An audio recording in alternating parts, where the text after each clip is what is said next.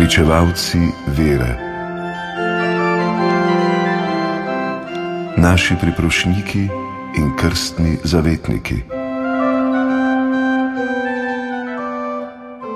Danes zgoduje sveti Janez de Brito, misionar in mučenec. Nisem prišel v Indijo po znanstveno lovoriko, marveč po mučeniško palmo, je dejal jezuitski misionar Janez de Brito, ko so ga ob prihodu v Indijo nagovarjali naj sprejme službo profesorja na visoki šoli v mestu Goa. Enako ponudbo je zavrnil že prej doma na portugalskem, kajti že od svojih mladih let je čutil v sebi misijonski poklic. Izprosila mu ga je molitev staršev, ki so ga, ko je zbolel za jetiko in ni bilo več upanja pri zdravnikih, priporočali velikemu misionarju svetemu Frančišku Ksaveriju.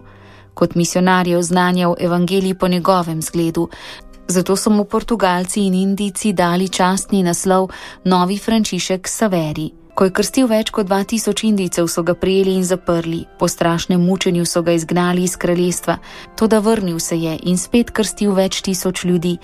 Takrat so ga ponovno zaprli.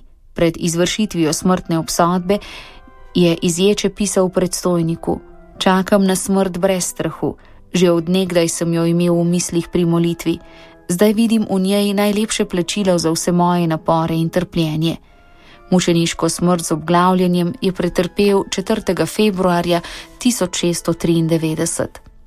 Danes zgodujete tudi sveti Jožef Leoniški, kapucinski misionar iz Italije in sveta Veronika, zavetnica župnijskih gospodin, šivil trgovcev s platnom, tkalcev, peric, je tudi priprošnica za srečno smrt pri hudih poškodbah in krvavitvah.